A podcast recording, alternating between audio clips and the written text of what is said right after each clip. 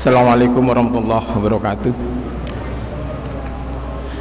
Alhamdulillahirrabbilalamin Wassalatu wassalamu ala ashrafil anbiya wal mursalin Wa ala alihi wa sahbihi ajma'in. Qala Allah Ta'ala fil Qur'anil Karim A'udhu billahi minasyaitanir rajim Yarfa'illahu alladhina amanu minkum Walladhina utul ilma darajah Sadaqallahul azim eh, jamaah salat isya dan salat raweh serta yang ditutup dengan salat witir. Eh, Alhamdulillah pada kesempatan malam hari ini kita masih diberi kesehatan kenikmatan oleh Allah SWT itu bisa mengabdikan diri kita menghambakan diri kita kepada Allah SWT karena Insya Allah kita termasuk orang-orang yang pandai mensyukuri nikmat Allah nikmat sehat, nikmat iman. Jamaah yang berbahagia pada kesempatan malam hari ini saya akan menyampaikan kaitannya antara adab atau etika akhlak dengan ilmu. Jadi mana yang harus lebih didahulukan? Apakah akhlaknya dulu ataukah ilmunya dulu kalau melihat riwayat ya, Nabi Muhammad Wasallam itu diutus ke dunia ini untuk menyempurnakan akhlak. Innama bu'itsu liutamima makarimal akhlak jadi konsep awalnya Nabi Muhammad itu diutus untuk menyempurnakan akhlak. Kemudian dalam kelanjutannya Nabi Muhammad mendapat wahyu. Di antara wahyu itu itu surat Al-Mujadilah ayat 11. Yarfa'illahu alladhina amanu minkum walladhina utul ilma darujah jadi Allah akan mengangkat orang-orang yang berilmu dengan beberapa derajat. Jadi dua hal ini ini menjadi sangat penting. Saya akan mencoba melihat bagaimana dengan imam-imam kita dahulu yang berada di empat madhab itu kita uh, umat Islam itu punya madhab yang mainstream yaitu ada empat. Madhab Hanafi atau imamnya itu Abu Hanifah kemudian ada madhab Maliki yaitu imamnya Imam Malik bin Anas kemudian ada madhab Syafi'i imamnya yaitu Muhammad Ahmad bin Hambal As-Syekhoni Imam Syafi'i imamnya adalah Muhammad bin Idris As-Syafi'i dan yang keempat eh, madhab Hambali im, imamnya Ibnu Hambal.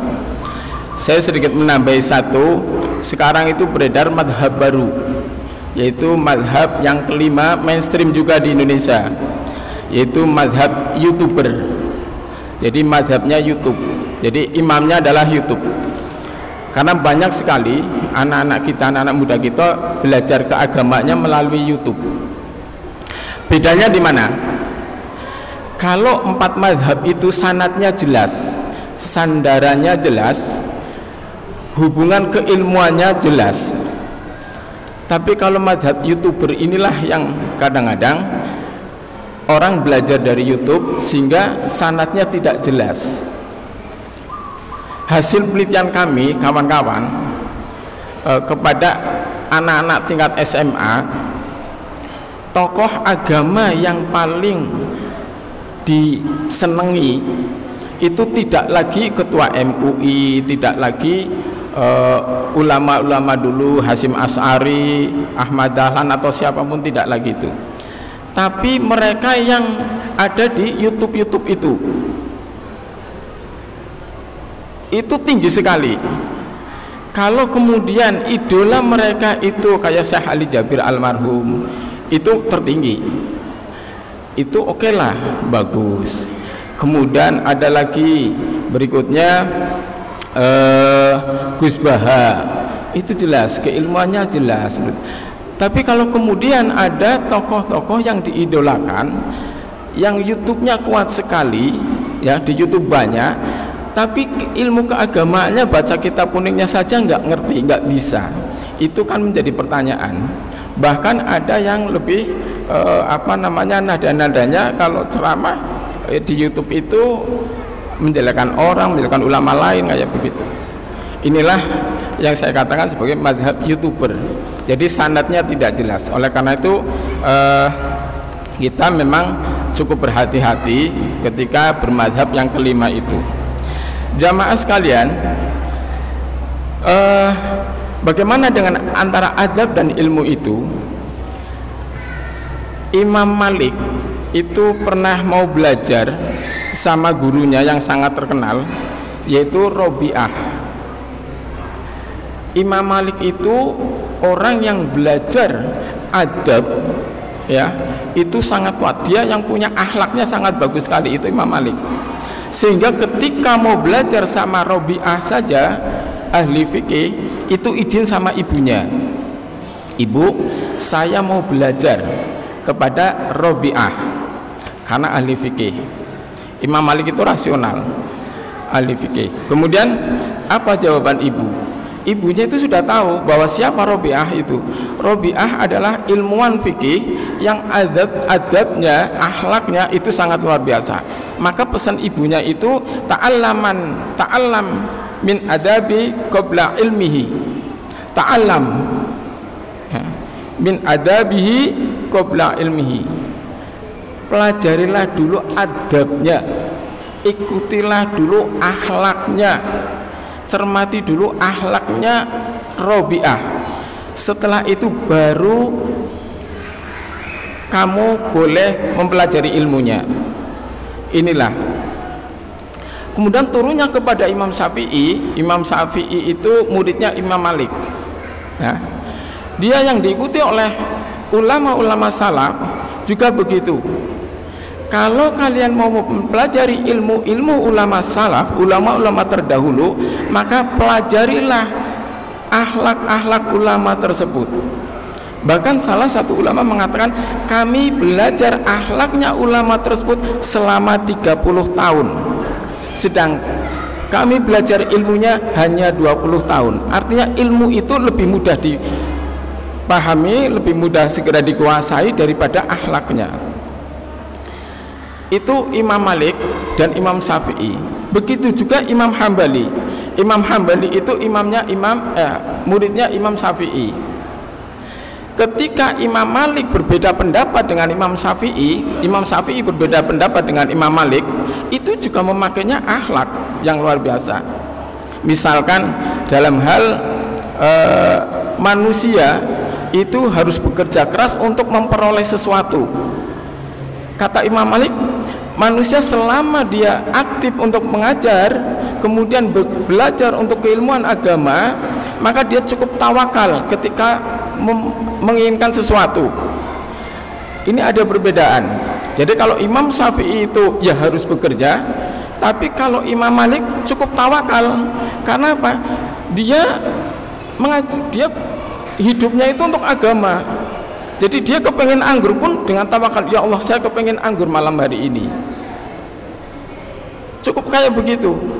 Imam Syafi'i enggak yang enggak begitu guru. Harus ada usaha kemudian dibuktikan.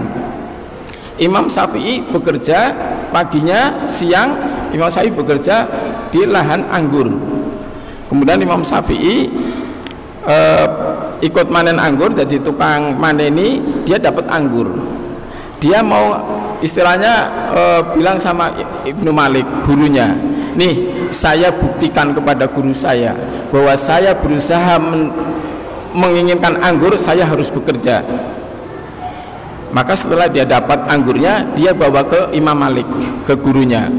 Ya Imam nih buktikan saya itu bekerja kemudian saya dapat anggur nih upahnya. Silahkan. Guruku Imam Malik untuk mencicipinya saat itu Imam Malik lagi belajar. Kemudian lagi e, sama santrinya juga. Imam Malik santai sekali. Dia ngambil anggurnya makan. Setelah makan dia jawab inilah. Jadi saya dari siang itu pengen anggur. Saya bertawakal kepada Allah ya Allah saya pengen anggur.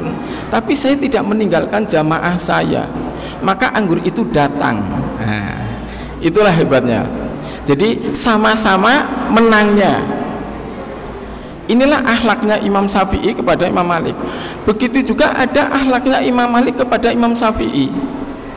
Ketika Imam Malik silaturahim ke masjidnya Imam Syafi'i yang non jauh di sana, kemudian sholat jamaah, Imam Syafi'i nggak enak kalau dia jadi imam ketika sholat. Maka minta gurunya Imam Malik untuk menjadi imam ya guruku silahkan jadi imam. Kemudian Imam Malik apa? Karena dia itu sifatnya tamu bukan jamaah situ maka dia tidak mau jadi imam. Dia tetap menjadi makmum. Karena apa? Kalau dia jadi imam kemudian bacaannya aneh kemudian makmumnya menjadi oh tidak khusyuk lagi. Jadi inilah akhlak. Jadi ulama dulu itu sangat luar biasa. Mengagungkan atau mendahulukan akhlak adab daripada ilmunya. Ada satu hal lagi. Jadi uh, Imam Malik akhirnya berusaha bagaimana akhlak diutamakan dibanding ilmunya itu terus disampaikan kepada murid-muridnya. Ada satu hal yang diingat oleh Imam Syafi'i kata Imam Syafi'i ingatan daripada uh, Imam Malik itu yaitu ta'allum ta'allumil adaba qabla an tata'allamal ilma pelajarilah adab sebelum sebelum mempelajari suatu ilmu jadi kalimat itu itu terngiang terus sama Imam Syafi'i yang disampaikan kepada Imam Hambali. Imam Hambali kemudian disampaikan juga kepada santrinya. Terus tapi Imam Syafi'i berpikir, apa sih yang menyebabkan kok akhlak dulu yang paling diutamakan, adab dulu yang paling diutamakan? Kemudian dia memperoleh jawabannya. Bil adabi tabhamul ilmi. Dengan akhlak maka mudah untuk memahami suatu ilmu. Inilah luar biasanya.